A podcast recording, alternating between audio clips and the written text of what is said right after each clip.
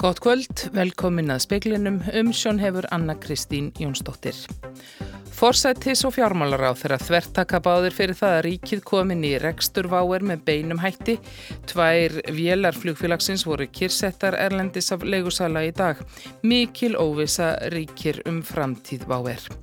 Þúsundir varaliða í Ísraelser hafa verið kallaðar til skildustarfa að minnstakosti tvær árásir voru gerðar á skotmörk á Gaza-svæðinu síðdeis í hemdarskinni fyrir eldfluga árás á Ísrael frá Gaza í nótt. Atvinnureikandur og sex verkalýsfélög ljúku sáttafundi í dag fyrir en ætlað var vegna ótryggra stöðu váer sem hefur áhrif á kjaraviðröðnar en á eftir að ræða um launaliðin.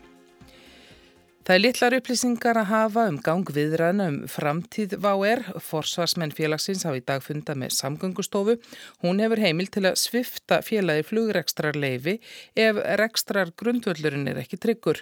Forstjórin Skúli Móansen vinnur að því að telja skuldabriða eigendur á að breyta kröfum sín með hlutafje og eignast með því minni hluta í félaginu gegn meiri hluta nýra fjárfesta sem myndi þá leggja miljarda í reksturinn. Upplýsingafulltrúi VA sagði fyrir í dag að allt flug yrða á áallun á morgun en nú hefur flug áallunin á VF-félagsins farið úr skorðum bæði í dag og á morgun. Morgunblæði greindi frá því fyrir dag að tværi vélar og flótaváer hefði verið kyrsettar vestanhafs af einum af leigusölum félagsins. Bjarni Bendiktsson fjármálaráð þeirra segir að starfsópur á vegum stjórnvalda hafi verið að störfum í marga mánuði til að undirbúa, undirbúa viðbræðs áallun með ólíka sviðsmyndir vegna stöðu vá. Þetta kom fram í máli Bjarni í óundirbúnum fyrirspöldnum á alþingi dag. Hann segir að stjórnvöld verða verið því viðbúin ef einhver meiri háttar röskun verður.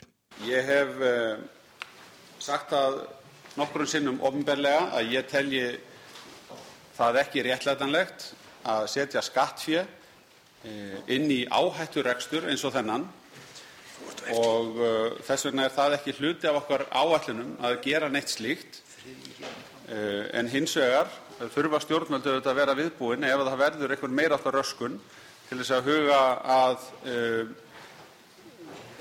bæði orðspós áhættu sem að því gæti fyllt eins stöðu farþega og hvernig greiða skuli úr ef á þarf að halda. En þær aðstæður hafa ekki ennþá skapast sem betur fyrr en við erum viðbúin við því ef að það gerist. Þetta saði Bjarni Bendisson á Alþingi fyrr í dag. Katrín Jakobsdóttir þeirra segir að ríkistjórn hafi fylst með þróunmála en telji ekki réttlætanlegt að grípa inn í rekstur flugfélagsins með beinum hætti. Ég, við höfum að sjálfsögðu farið yfir þessi mál og við teljum ekkert réttlæta það að ríki grípi inn í reksturinn með beinum hætti. Hvað með skuldir á eins og til dæmis skakvart Ísafja? Já, Ísafja uh, eru þetta með ákveðna tryggingar fyrir skuldum vá uh, en hins vegar er það svo að við höfum líka sínt félaginu skilning að það hefur verið að gangi í gegnum erfiðleika. Það er að segja Ísafja hefur sínt í skilning og uh, hefur verið að vinna í sínum málum þannig að en um leið er þar auðvitað ákveðnar tryggingar fyrir þeim skuldum. Saði Katrín Jakobsdóttir, Jóhanna Vigdís Hjaltadóttir talaði við hana. Símin hefur ekki stoppað hjá neytendasamtökunum síðustu daga. Neytendur hafa miklar áhyggjur á stöðu sinni gagvart VAUR. Breki Karlsson, formaður samtakana, segir að félagsmenn hafi haft samband til að kanna hver réttur þeirra sé hafi þeir keift miða hjá VÁ. Breki segir að þeirri viðskiptvinni sem hafa keift miða með kreditkortum séu betur stattir en þeir sem hafa greitt með öðrum hætti. Ef flugferðir fælt nýður geta kaupendur óska þess að kostnaður sé bakferður. Staða fólk sé verri ef það hefur keift með og greitt fyrir með öðrum greiðslu. Máta eins og gjafabrifi, peningum eða debitkortum. Ísraels herr gerði tvær árásir á Gazasvæðið síðdeis í hemdarskinni við eldflög árásir frá Gaza og bæ í Ísrael í nótt. Búist er við enn frekari árásum á Gaza á næstunni, þúsundir varðliða í Ísraels herr hafa verið kallaðar útvegna ástandsins. Bandaríkja fórseti lísti því yfir í dag að gólanhæðir tilherðu Ísraelsríki. Sjö særðust þar af þrjú börn þegar flugskeiti sem skoti var frá Gaza í nóttilendi á húsi í bænum Mismeret um 20 km norðan við Tel Aviv. Ísraels herr svaraði með að minnstakosti tveimur sprengju árásum síði degis á skotmörk sem tilhera Hamas samtökunum. Búist er við að árásirnar vegi eftir að verða enn fleiri á næstunni. Að sögn Ísraelska dagblassins Haaretz hafa þúsundir varaliða í Ísraels herr verið kallaður út og loftvarnabyrgi opnuð. Benjamin Netanyahu þeirra Ísraels er statur í Washington. Hann sagði að eldflögu árásir eins og þær sem gerðar voru í nóttu yrðu ekki látnar átölu lausar. Vegna ástandsins ætlar Netanyahu að stitta dvöl sína í bandaríkjónum. Hann átti fund í dag með Donald Trump fórsetta í kvítahúsinu. Þar undirritaði Trump yfirlýsingu þess efnis að bandaríkin litu svo á að gólanhæðir væru Ísraelst land. Ísraels herr lagði hæðirnar undir sig í sextægastriðuna árið 1967 og innlimaði í Ísraels ríki. Alþjóðsamfélagið hefur ekki viðurkent það og þar með talinn bandaríkinn. Sýrlendingar sendu frá sér yfirlýsingu undir kvöld þar sem segir að ákvarðun Trumps sé frekleg árás á sjálfstæði Sýrlands. Ásker Tómasson saði frá. Björgunarmenn hafa nú komið hlut að þess fólk sem var í þremur bílum sunnan langjökuls til byggða. Björgunarsveitir voru kallaði til aðstóða rétt eftir miðnætti og hafa aðgerið þínu staði í 17 klukkutíma. Björgunarsveitamenn fundu fólkið um hálf átta í morgun. Um hádegi spil var bætt við snjóbíl og jeppa enda erfitt færi á svæðinu og skikni lítið. Björgunarmenn lögðast að til byggða um hálf fimm í dag með restina fólkinu ásand bílunum sem þau voru á og eru enn á ferðinni. Ragnar Þór Ingólfsson, formaður Vaffer, segir að óvisa um VAER hafi áhrif á stöðuna í kjara viðræðum. Hugsanlegt fall flugfélagsins gæti valdi meiri verðbolgu, það þýtt að setja þurfti fyrirvar á samninga og þakka á verðbættur á húsnæðislánum. Fundi sex verkalýsfélaga með atvinnureikundum fyrir atbeina ríkisáttasemjara lög fyrr en ráðgjert var í dag vegna óvisunar um VA. Bara mátum stöðuna þannig í dag að að vera ekki að, að kannski fabúlera um uh, einhverjar, möguleg, einhverjar mögulegar lendingar í þessu heldur bara að hingra til morgundagsins og hér þannig að við séum þess að allavega með einhverja varnaglein í okkar samningum til þess að verja fyrst og fremst íslensk heimili uh, fyrir mögulegum áhrifum á því að flugfélagið annað falli. Vegna þess að við erum ekki byrjað að ræða launaliðin en við skulum sjá til þegar þær viðröður hefjast og vonandi gerist það sem fyrst, vonandi bara strax á morgun. Bjart sýtna á það að ef við náum saman eða allavega einhverju svona lendingafliti að vara launaliðin að þá, þá klárast þetta fljótt og vel en það er náttúrulega undir okkar við sem myndum komið hvernig það gerist. Sagði Ragnar Þór Ingólfsson formaði var ferr. Theresa May, forsættisar á þeirra Bretland, sagði á breska þinginu í dag að enn væri ekki nægur stuðningur meðal þingmanna til að koma þar í gegn samningum sem fylgir úrsögn úr Evropasambandinu. Þingmenn hafa tvíveis felt slíkan samning. May er staðræðin í að láta á það reyna síðar í vikunni hvort hægt verður að fá samningin samþyktan. Þingmenn líðræðislega sambandsflokksins á Norður Írlandi, DUP, sem ver ríkistjórn íhalsflokksins tilkynnt í dag að þeir ætlið ekki að styðja Brexit samning forsætisráþrans. Gunnar K. Sigursson, leðsugumæður, fann loðnu á óvennilegum staðum helgina í Jökulsárlóni. Þángað segir hann að Torfur hafi komist á flóði og hann sagði frá fundinum í samfélaginu. Já, ég var nú bara aðna með fólk með mér og voru bara að borða nestið okkar á strandinni, hérna með Jökulin og þá var ákveðu auðu í loðnu hérna í, í flæðamálunni, eða fjöruborðinu. Fattaður strax, áttarðið strax að því hvað þetta var?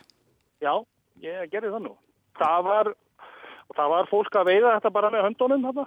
Þannig að þetta er, það er bara að mæta með hávinn og byrja að móka sér. En var hún um allt lónið? Ég, svo sem veit það ekki alveg, ég, en hún, það voru þarna torfur bara þarna rétt við sko, bara halvan meter úti sko, lóninu.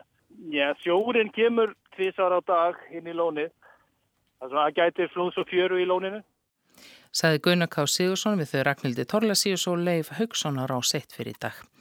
En 1945 hefst leikur frakka og Íslendinga á standu Frans í undankeppni Evropamóts Karla í fótbolta sem haldi verður á næsta ári. Leiknum líst bæði á Rást 2 og í sjónvarpi og sjónvarpsfréttir eru með stittramóti. Uppbytun fyrir leikin byrjar 1915.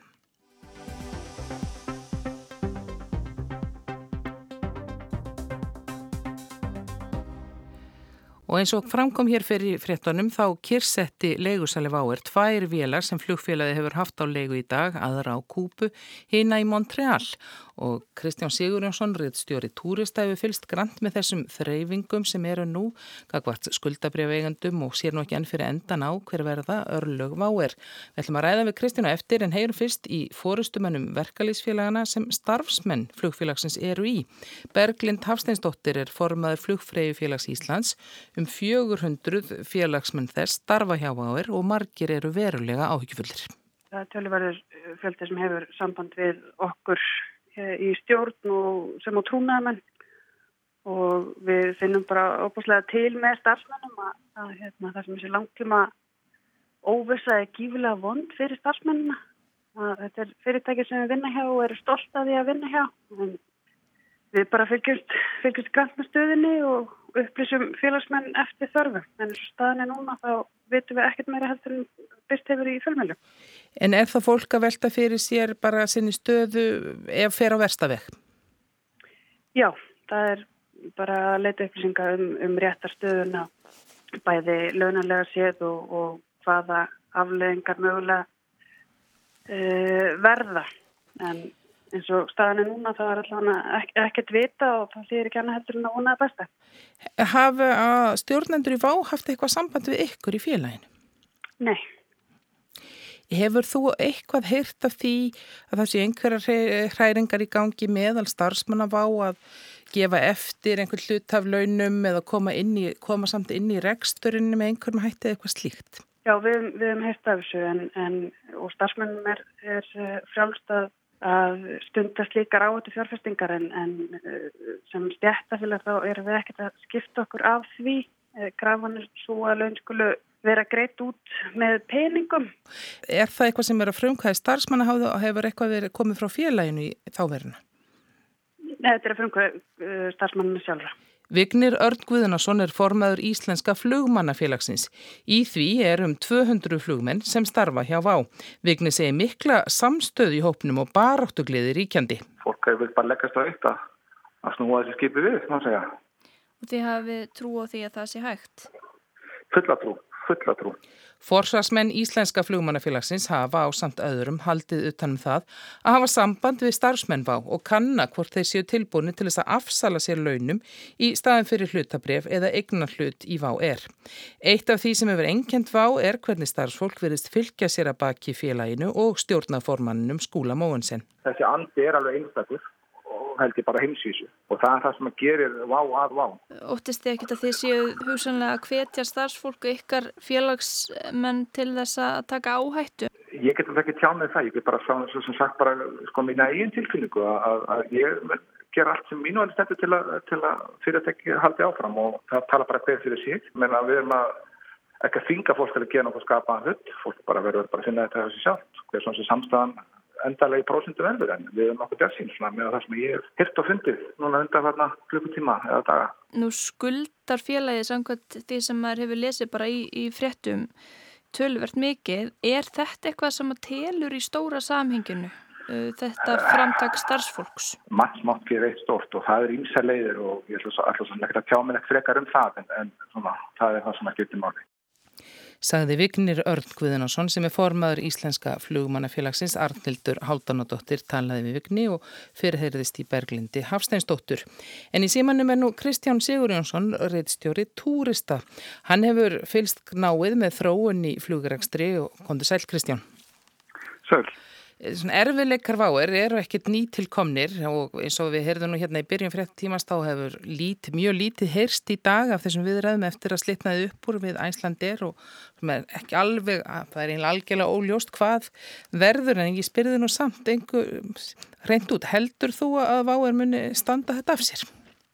Já, maður vonaði það sannarlega að það gerist og það er svona einhverjar svona blikur á lofti núna einhverjar óskýrar fréttir um að það sé jafnvel búið að aflétta kyrsetningu á flugvel í Montreal og ég sé að þóttan sem er stöðt á Flóriðaskáðunum og Kúpu, hún er farin að fljúa aftur þannig að maður svona vonar að þetta hérna það, þetta er allavega verið styrra eitthvað jákvægt að gerast þar. Þetta er staðan er náttúrulega mjög erfið og eins og komum fram í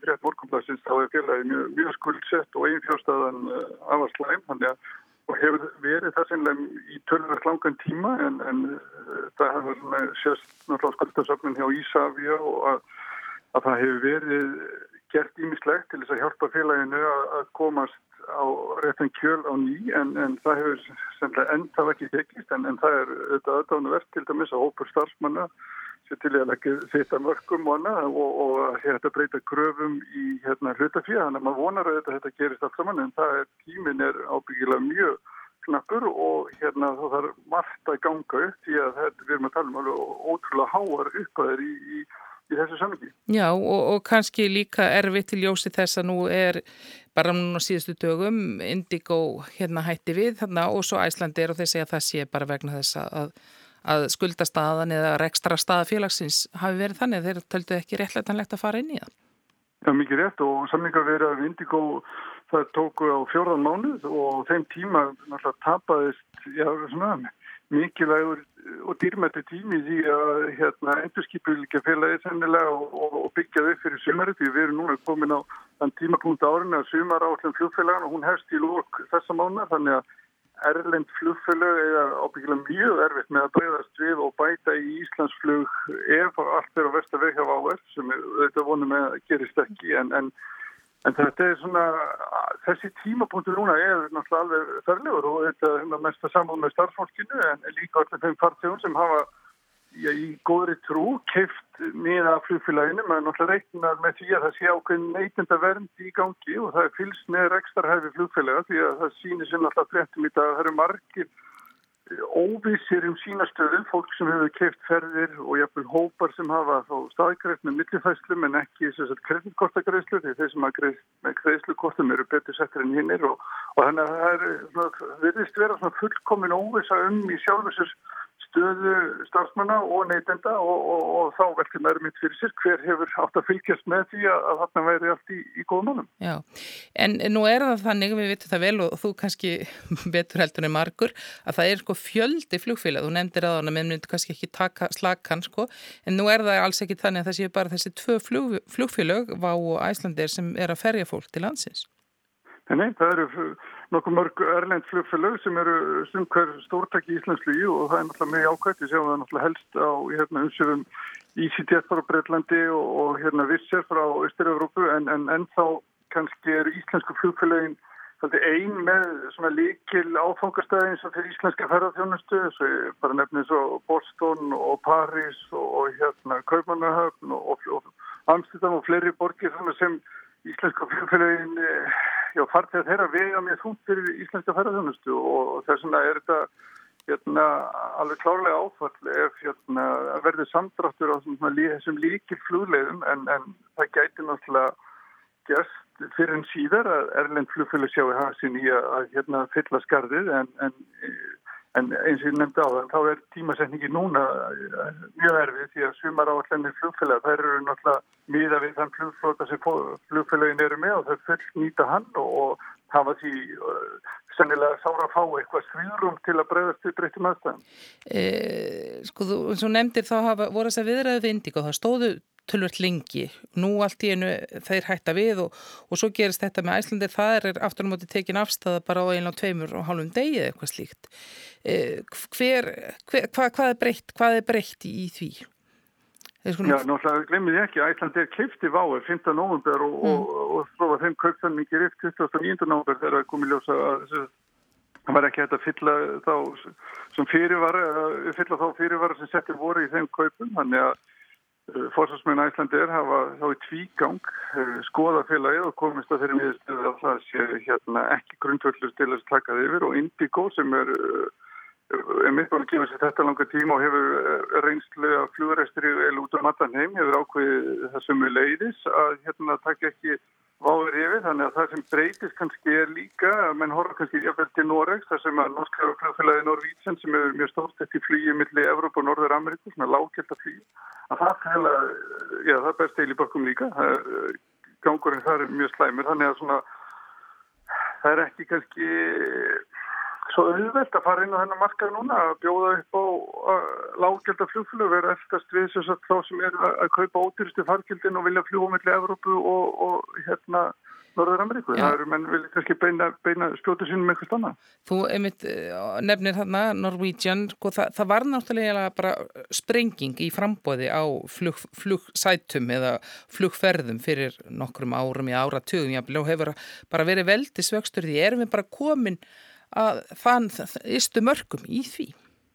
Já, allavega frambúða eins og núna og flugfarkjöldin eh, eins og þau hafa verið lág, það er allavega ekki sjálfverkt. Við sjáum það bara að, að VÁ er tapaði með þessu og var ekki með tapi árið 2017 sem var alveg mjög gott ár í, í flugheiminu. Þannig að það er ljóst að, að þetta mótel, það er að segja að bjóða sem leggstu farkjöldin og reyna að fá sem flestum bór, það er verið ekki verið að ganga eins og lagtar upp með og, og, og, og Norðavísin eru gott dæmum og gleymi því ekki heldur að Æslandir var ekki með næri 7 millir að tapi í fyrra og það félag hefur nú svona líka verið svolítið þekkt fyrir það að gera út á lágfargjöld þannig að við sjáum það að þetta er hérna harður slagur meðan að bandarísk flugfélög verið að skilja ákveðis ákomi í að fljúa yfir hafið eh, hjá skandinaviska flugfélaginu SAS að, að félag skiljaði sín besta uppkjöri nýverið eh, í allri sinni sögu þannig að það er ekki allstaða barlómur en, en greinir það hjá þeim sem eru að gera út á mjög lágfært þar er, hérna, er þetta mjög erfitt og eins og við sjáum bara með Váer og Norvítsjan. Heldur þau að við munum sjá þetta svona bara hér, hér upp á skerinu næsta sumar bara í, þessa, bara í verulegri og sjáanlegri fækkun ferðamanna hér? Já, allavega óvísan er mikið lakkurat núna en ég vil ekki við komum með e, einhverja mjög neikvæða spáin en þetta lítur allavega ekki sérstaklega vel út og, og þá getur dreyðist já, fjöldin saman svolítið tölvert yfir, yfir sumarið en, en hvað við erum að tala um háa tölur það þú er ég ekki að segja. Þú þarf ekki að segja til um það. En þetta við svona, það er líka erfitt kannski átt að sjá því hvaða er sem þarf mikla peninga inn í þetta dæmi. Veit það einhver? Nei, einhver tíman var að tala um hvað 5 miljardar og þetta er allt háar uppæður og glemir ég ekki að áður var í skuldabrið útgáfu síðallið haust þar sem fengust inn margir miljardar og, og, svo er félagið búið að fá uh, svona uh, fljóða til fyrir að kemja einhver fljóðvillig á þess að borga fyrir afnóttinu honum. Þannig að það koma líka einhver miljardar þannig að það búið að setja mikil pening inn í félagið en það er ekki duða til þess að halda rekstrinum Eh, gangandi og þess vegna fór félagi til dæmis í þess að viðræður við Æslandi strax í nógundar og svo við Indigo Partners og alltaf svona hangir tilverða þessa bláþræði en, en áfram skröldir vá, það er aðdánu verk hvað það hefur tekist að halda félaginu lengi á loftin og saman tíma sjáum við það að það er fullkomin óvis að til dæmis um, um svona einhvern stöðu starfsmanna og, og neytenda sem er náttúrulega mjög alvarleg. En örlögin ráðast vendilega bara núna allra næstu dögum? Já, það lítur að verða og það, ef ég maður rétt á búið skóli móðin sem í gerðkvöld, einhverja kynningu í dag á, á hérna upprisu félagsins sem mestur skrefum og, og en við býðum frétt af því. Já. Takk að þið fyrir þetta Kristján Sigurjónsson.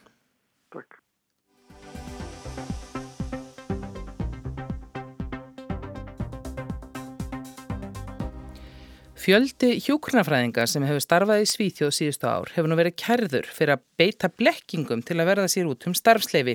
Í mörgum tilfellum hefur fólk unnið árum saman með sum af stæstu sjúkrahúsum Svíþjóðar að því verðist án þess að hafa til þess nokkra mentun.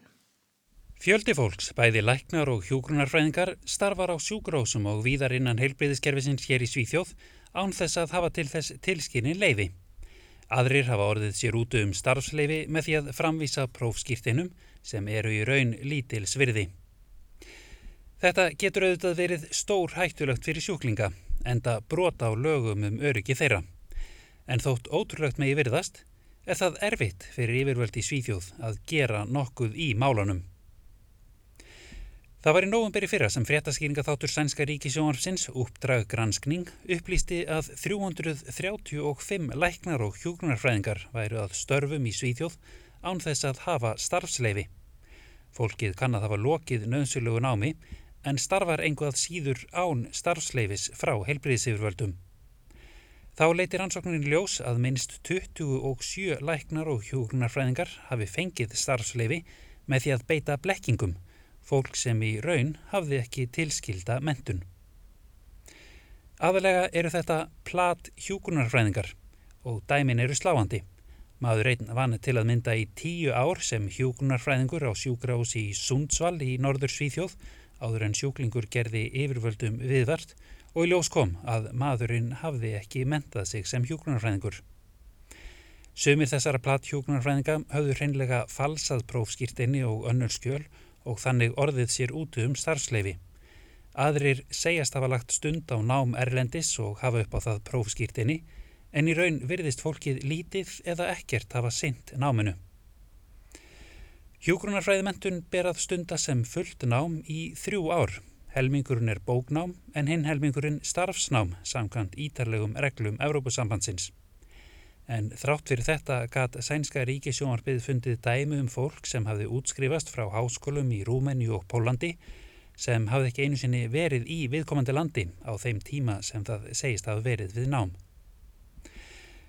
Þannig var því til að mynda háttað hjá manni sem starfaði sem hjúknarfræðingur á sjúkrási hér í Gautaborg.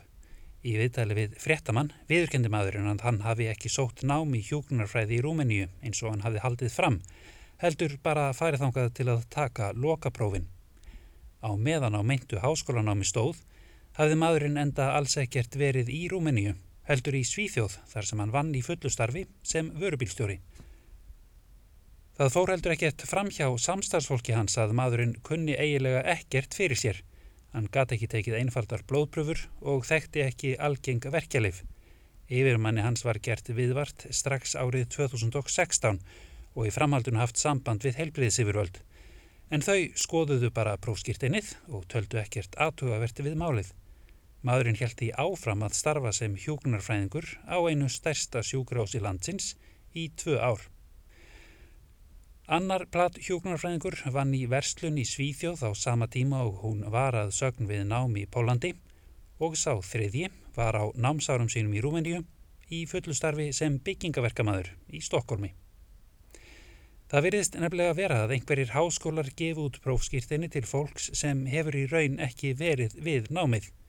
Það virðist í sumum tilfellum næja að borga skólagjöldin eða að mæta bara í lokaprófin. Yfirvöldi í Rúmeníu vita af málinu og harma það, en benda á að það þurfi að vera hægt að sanna að prófskýrteinin stemmi ekki, eðla sé erfitt að sinja fólki um starfsleifi. Heilbriðisráþara landsins hefur nú fyrirskipað rannsókn á öllum þeim háskólum sem menta heilbriðistarfsfólk Yfirvöld mentamála í Rúmeníu rannsaka einnig hvernig fylst er með mætingu nefnda og hvernig lokaprófum frá háskólum er hátað. Að minnstakosti einn skóli hefur þegar mist leifið til að útskrifa hjúgrunarfræðinga eftir að rúmenskur bladamadur afhjúpaði að nefnundur mútuðu stundum kennurum og fengju svör við prófspurningum fyrirfram. Erfitt er að segja til um hver margir sjúklingar hafa orðið fyrir skada vegna svindlsins en í einni af fréttum sænska ríkisjónarsins kemur fram að grunur sé uppi um að platlæknir sem starfaði siðst í Svíþjóð hafi veitt 37 sjúklingum ránga meðhöndlun.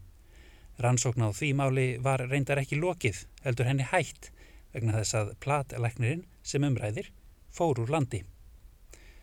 Og það verðist ekki einfalt mál að taka á þessu svindli þótt alvarlegt sé. Einn platuhjókunarfræðingurinn var dæmdur fyrir brot á lögum um réttindi sjúklinga, þar er þann lög til um starfsréttindi sín, árið 2015. Síðasta haust kom svo í ljósa viðkomandi var aftur komin í vinnu sem hjókunarfræðingur, meðal annars á Karolinska háskólasjúkrahúsinu í Stokkólmi, einu þekktasta sjúkrahúsi heims. Þrátt fyrir dómin og þrátt fyrir að framkomi í dómnum að konan er ekki hjókunarfræðmentuð, fekk hún starfsleifi frá heilbriðsifurvöldum Starfsleifið er veitt á grundvelli háskólaprófs frá Egiptalandi en prófið virðist falsað að því er eftir grenslan sænska ríkisjónarsins leiti í ljós. Frá því að fréttaskynningaþátturinn uppdrag granskning fjallaðum um álið í novemberi fyrra hafa heilbriðsifur völd verið að rannsaka það en að þeirra sögn hefur rannsóknin ekki leitt í ljós neinar nýjar upplýsingar sem gefa tilefni til að endurskoða starfsleifi fólksins. Því hefur verið brúðið á það ráð að kæra nokkra einstaklinga til lauruglu Laurugla hefur nefnilega lagaheimildir til að rannsaka málið áfram, lagaheimildir sem helbriðisveifurvöld virðist skorta. Komið fram nýjar upplýsingar verður kannski hægt að endur skoða starfsleifin að er segir í fréttatilkynningu helbriðisveifurvalda. Á meðan heldur fólkið starfsleifi sínu og getur haldið áfram störfum á sjúkurósum og helsugjæslum í Svíþjóð. Kári Kilvason, Gautaborg. Það veður horfum það verður sunnan og suðvestan stormur norðvestanlands, talsverð rigning á suður og vesturlandi, engum á Snæfellsnesi og sunnanverðum vestfjörð með mikilli leysingu fram á kvöld. Gul viðvörn er í gildi við breyðafjörð framundir miðinetti og viðstofan segir hægt á að vassföll riðji sig og ofan flóðum á þessum slóðum. En fleira er ekki speklinum í kvöld, tæknimaður var Ragnar Gunnarsson, veriði sæl.